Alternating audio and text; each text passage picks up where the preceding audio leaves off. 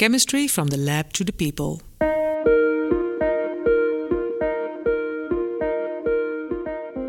Hello, dear listeners. I am Morteza Hadian, and this is Chemistry from the Lab to the People, where my colleague Buster Lingen and I, of course, with the help of our guests, uh, try to explain briefly and in simple words the role of methane in our past, current, and especially future life. Today, we will talk specifically about where methane comes from. And uh, we have a dear guest, Henneke de Vries. Hi, Morteza. Uh, we are very happy to have you here. Uh, Henneke is the reservoir engineer from Shell. Uh, would you please uh, introduce a little bit about yourself? Yes, thank you. So, um, my name is Henneke de Vries, um, and I studied um, at the Delft University of Technology, and I did my bachelor in applied earth sciences. And during my bachelor, I got also the opportunity to go uh, half a year to Copenhagen um, and uh, study uh, sustainable energy at uh, DTU. Um, so that was a really great uh, opportunity. And after my bachelor, uh, I continued my studies um, in Delft again, uh, where I did the master petroleum engineering and geosciences. Um, when I graduated uh, at the end of 2016, um, I joined Shell. Um, and indeed, uh, I work as a reservoir engineer um, on the gas fields in the southern North Sea. So, mm-hmm. what we are trying to do is we are uh, developing new gas fields as well as optimizing uh, production from the existing fields and facilities that we have there. Very interesting. Thank you so much. Uh, so, as I said before, uh, today we are going to uh, speak about where does methane come from. So, what is the main source of methane? Yeah, so the main source of methane uh, are actually the uh, the gas fields uh, in the subsurface uh, that I am working on on a daily basis. So, as you know, or or, maybe you don't, but uh, but methane is an hydrocarbon, and and hydrocarbons develop when you have organic matter that gets buried under anaerobic conditions, so without any oxygen. And then when we apply uh, pressure and heat over a very long period, millions of years, the, the organic matter uh, develops into hydrocarbons, so among others, uh, methane. And if we then have those subsurface reservoirs, which we find anywhere in the world, we can drill into those and we can extract the natural gas from these reservoirs and get the methane out of that. So, just rephrasing uh, you uh, to see if I got it right. So, we have really long time ago some dinosaurs they died they buried underground of the earth and in a high pressure of the soil and the, the weight of the soil. After a really long time they turned into some fossil fuels that methane is one of them. Yes yes indeed. Um, and you have to imagine basically if you know at the beach how the how the the water of the sea is in between the sand grains just imagine that that beach is now sitting at two or three kilometers depth um, mm-hmm. And then instead of the water, we have the gas in between those sand grains. Okay. So basically, methane is a fossil fuel, but can we get it also from renewable sources? Yes, um, we can, although um, that technology is not economic just yet. So it is kind of in a pilot or development phase. So we first have to make hydrogen. And the way to make uh, hydrogen in a carbon neutral way is by uh, taking water and then we run an electric current through the water. Electrolysis is the word for that process. And then the water splits into hydrogen and oxygen. If we then take the hydrogen that we get from that process and we combine it with CO2, for example, we can um, extract that CO2 from the air or we can capture it at um, industries. If we combine that CO2 together with the hydrogen, we can make methane out of that. Okay, so we can actually make methane from uh, its building blocks. Yes. So we call that, well, it, it goes under different names, but power to gas is a common mm-hmm. terminology. And can we also get it from biomaterial like biogas or something related to that? Yes, we can also get it from biomass. If we if we would burn that, then we also get methane from it. But we also get, of course, other products from that burning process, right?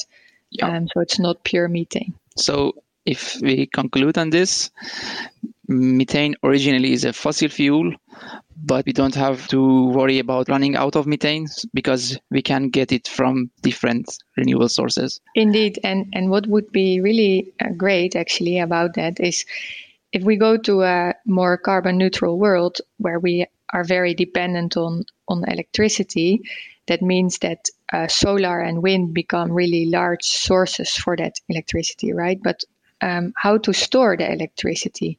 You would need really large batteries that also consist out of very rare metals, etc., um, to store that energy, and you would you would like to store it somehow with the seasons, right? Because in the winter we use much more energy than we do in summer.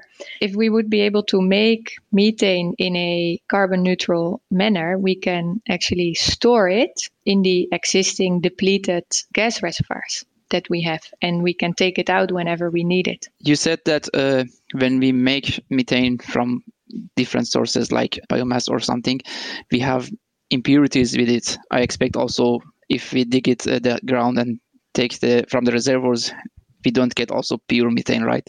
So we need some treatments. Yeah, indeed. So if you look at typical composition of natural gas, so what we extract from the subsurface, then about 95 mole percent of that is, is methane. And then we get some heavier components eh, like ethane, propane, so heavier hydrocarbons, but yes. also there is some uh, CO2, some nitrogen, um, oxygen can be there. And it depends a little bit on the application, how much um, processing it requires. Yeah, but for example, for heating, for the domestic heating, you can only have a certain amount of nitrogen and CO2 in there. So, and, and also you have to take out some uh, water vapor. Um, so we do that treating before it comes into your house and it's being used uh, for heating. But for example, methane is also used in certain as a as a chemical feedstock. So to make um, certain chemicals, and then you need, of course, a much higher purity than when you simply burn it for heat. How usually uh, methane is transported uh, from offshore plants uh, to our uh, industry or our homes? Yeah, so there is two ways we can transport methane. So one is through pipelines, and we have in the world uh, actually a tremendous uh, amount of pipelines um, lying around. So if you if you sum up all the length of the total pipelines in the world, it's actually eight times to the moon and back is the amount of uh, natural gas pipelines that we have wow. there. But there are circumstances when it's not economical, right, to put an entire pipeline there, or uh, when it's not practical, or when you have a nature reserve or something like that. And then we can also make LNG. So that's liquefied natural gas. We can cool the gas until really low temperatures, a minus 162 degrees Celsius. And then the volume decreases by 600 times. And then we can transport it in a liquid state, for example, by boat.